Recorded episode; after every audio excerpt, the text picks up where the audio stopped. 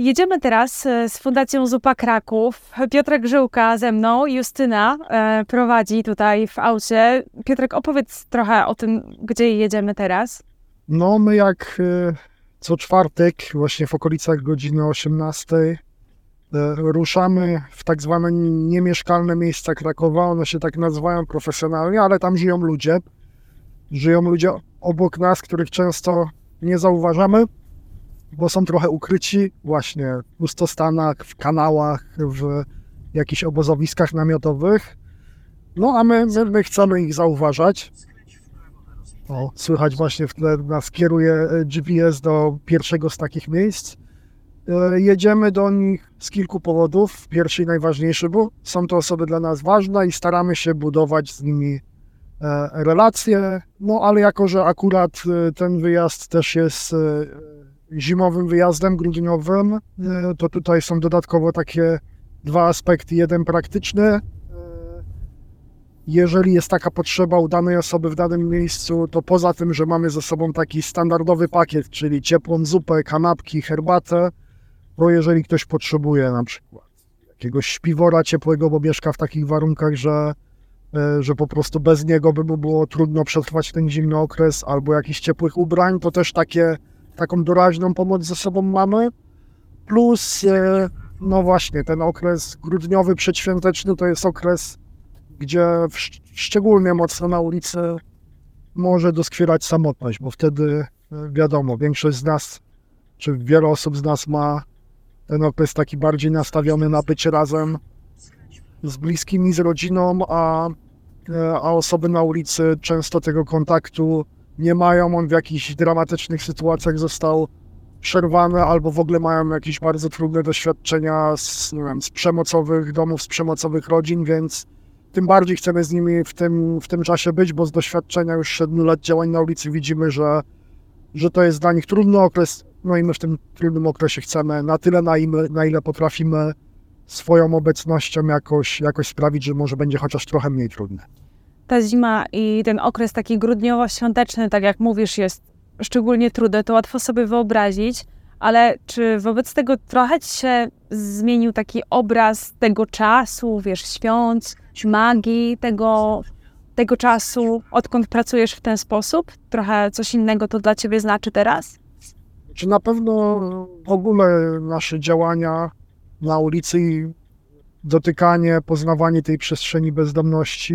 No, na, na wielu poziomach otworzyła mi oczy, a w kontekście świątecznym, grudniowym, no to z jednej strony sprawiła to, że ja akurat mam to szczęście, że wychowałem się w domu, w którym jakiegoś ciepła, bliskości, miłości, tych takich fundamentalnych rzeczy, które sprawiają, że, że no po prostu jakoś e, dobrze, chciani, e, kochani się czujemy w życiu. Mi, w moim domu tego nie brakowało i, i poznając ulicę, gdzie często ludzie, którzy żyją na ulicy, e, właśnie na samym początku już zabrakło tych podstawowych rzeczy i często to jest jedna z przyczyn tego, że, że później w życiu nie potrafili się odnaleźć. E, no to właśnie, pierwsze to sprawiło to, że bardzo to doceniam.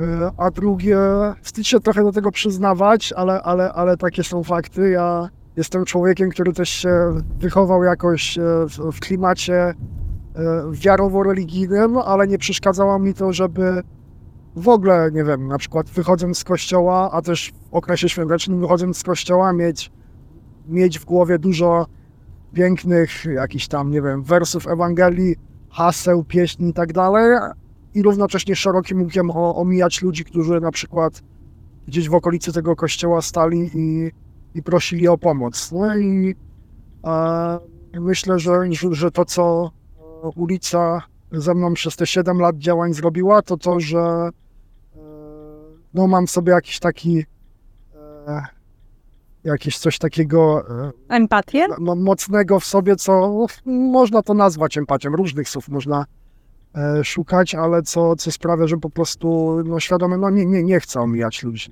Nie, chcę, nie, chcę, nie chcesz nie zauważyć. Ktoś, ktoś był niezauważony, ktoś, nawet jeżeli na chwilę mam się zatrzymać, to zależy mi na tym, bo nie wiem, mogę się faktycznie gdzieś bardzo spieszyć, ale można się na chwilę zatrzymać tak, że że to będzie ciepłe zatrzymanie i będzie z szacunkiem dla drugiego człowieka, a można się zatrzymać równo przy tej samej osobie i nawet coś jej dać, ale dać to w taki sposób, że, że ta osoba poczuje się wbita w ziemię, jakaś tam pogardliwie potraktowana, więc to jest chyba dla mnie kluczowe. Dużo mógłbym opowiadać, ale to, żeby właśnie nie omijać i jeżeli się zatrzymuje, e, to traktować z szacunkiem i z wrażliwością człowieka, którego spotykam.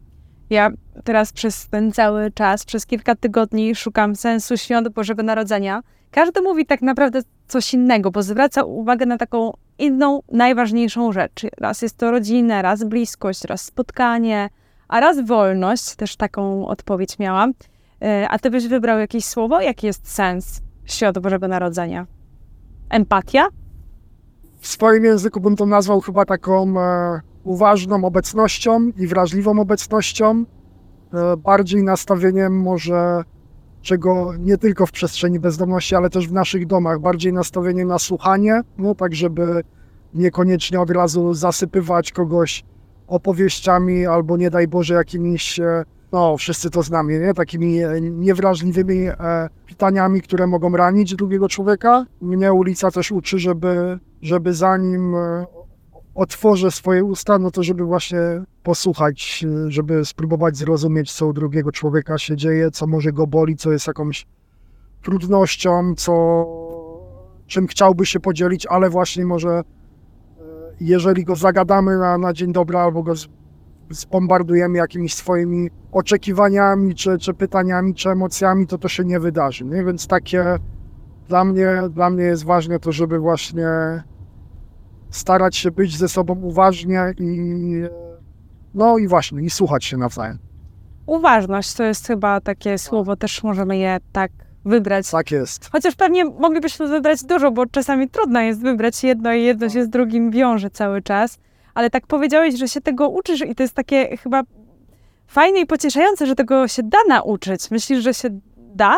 Wiesz co, ja y, 7 lat działam na ulicy, bardzo dużo wolontariuszy y, naszych też, no, działamy razem i ja widzę, jak nasi wolontariusze, wolontariuszki pod wpływem bycia w dłuższym okresie na ulicy, jakie procesy w nich zachodzą, nie? jakie procesy w nas zachodzą, że e, my nawet jeżeli e, w naszej fundacji, e, w naszych działaniach mamy takie założenia wstępne, żeby E, nie wiem, nie wychodzić od razu do ludzi z ulicy z jakimiś swoimi pomysłami, z jakimiś założeniami, jak to my im pomożemy zmienić ich, ich życie.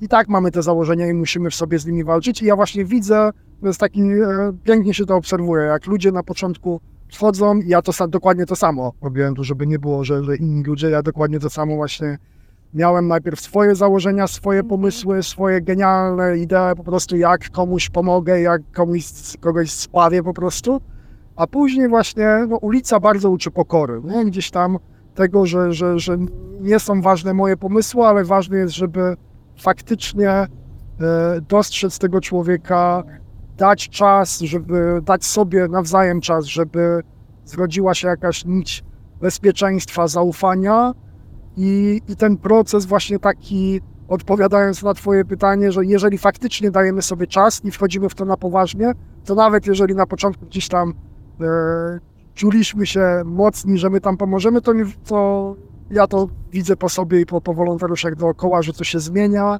i właśnie włącza się coraz bardziej. Ta uważność, to słuchanie, e, to po prostu bycie ze sobą i dawanie sobie czas. Czyli trochę musimy zmienić myślenie o sobie, a nie o innych, bo to w zasadzie oznacza, że to my musimy E, zejść z jakiegoś, e, z jakiejś wizji samego siebie i tego, jacy jesteśmy i dopiero wtedy z tej pozycji możemy w ogóle komuś pomóc.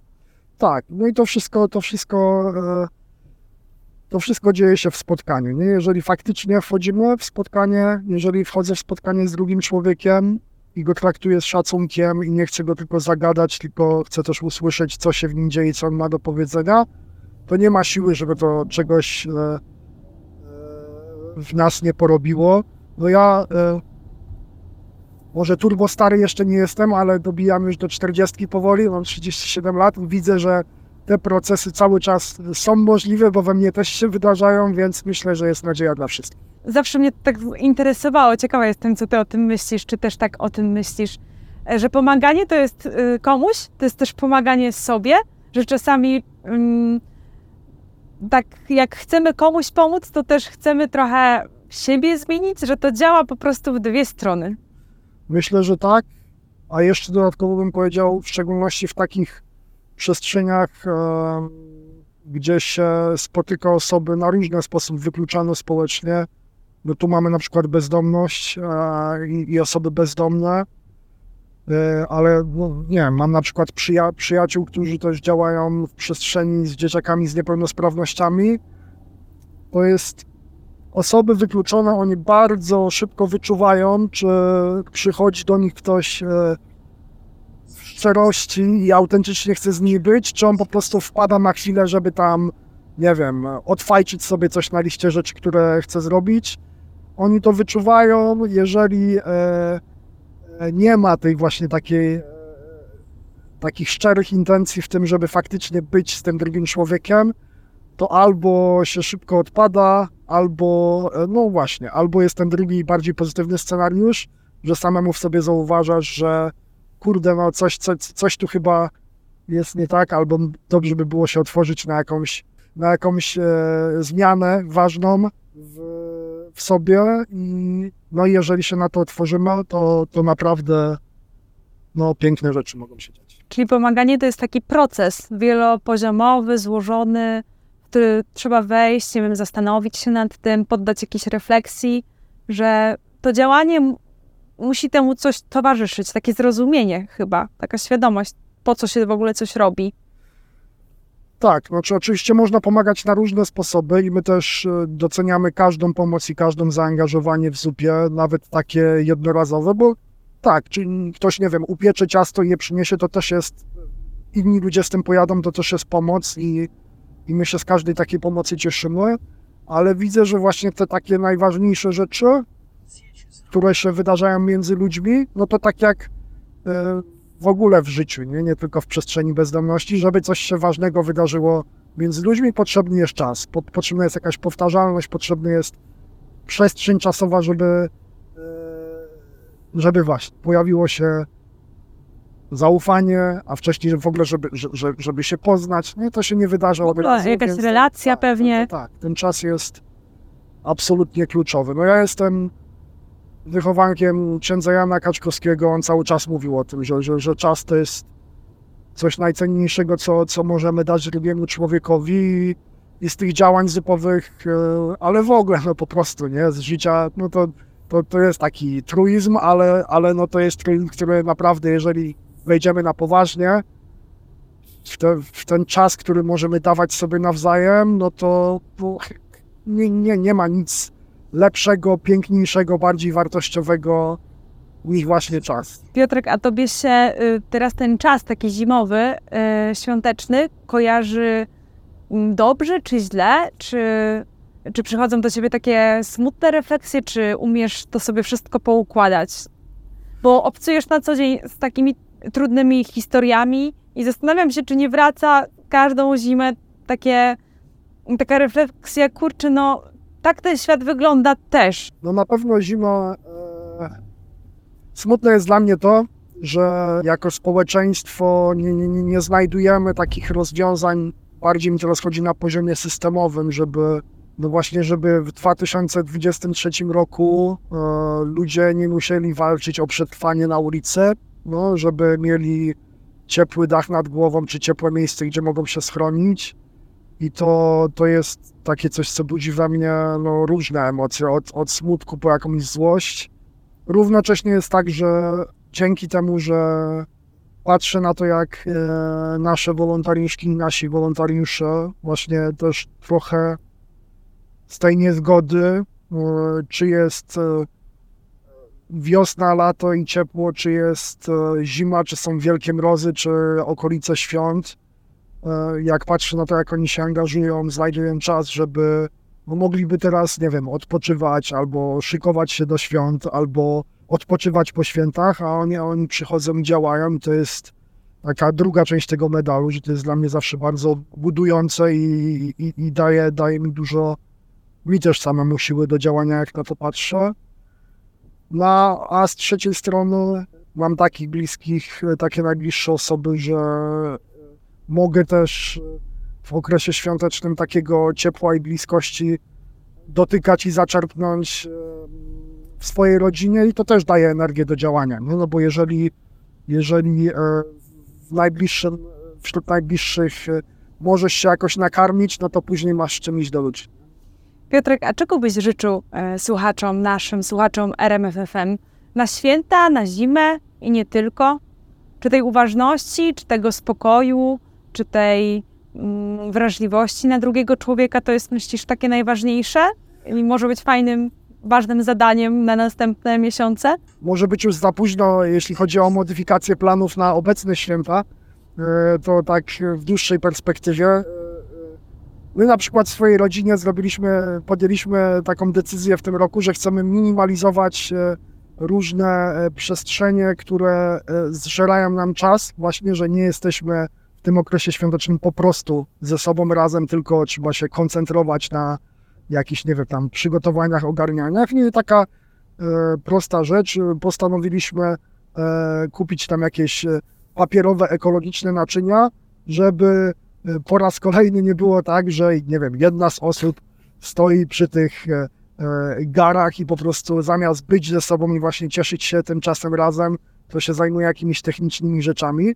No, to jest jeden z przykładów, ale ja wchodząc w okres świąteczny właśnie bardzo myślę o tym, jak, jak zrobić tak, żebym faktycznie był e, z bliskimi żebym, no właśnie, tak jak na ulicy, no bo trochę głupio by było, że o tutaj przestrzeni fundacyjnej gada i próbuje ludziom dawać czas, a, a, A sam w rodzinie, a w rodzinie tego brakuje. Nie? Więc bardzo, bardzo dbam o to, żeby, e, żeby w tym okresie świątecznym faktycznie jak najwięcej czasu poświęcić na bycie ze sobą. Piotrek, bardzo Ci dziękuję za tę rozmowę, za to, co robisz i robicie, bo nie zapominajmy, że e, Was jest więcej.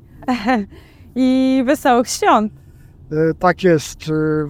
Bardzo e, dziękuję wszystkim wolontariuszkom i wolontariuszom, którzy nie tylko w święta, ale przez cały rok ten czas właśnie dają e, dla ludzi na ulicy.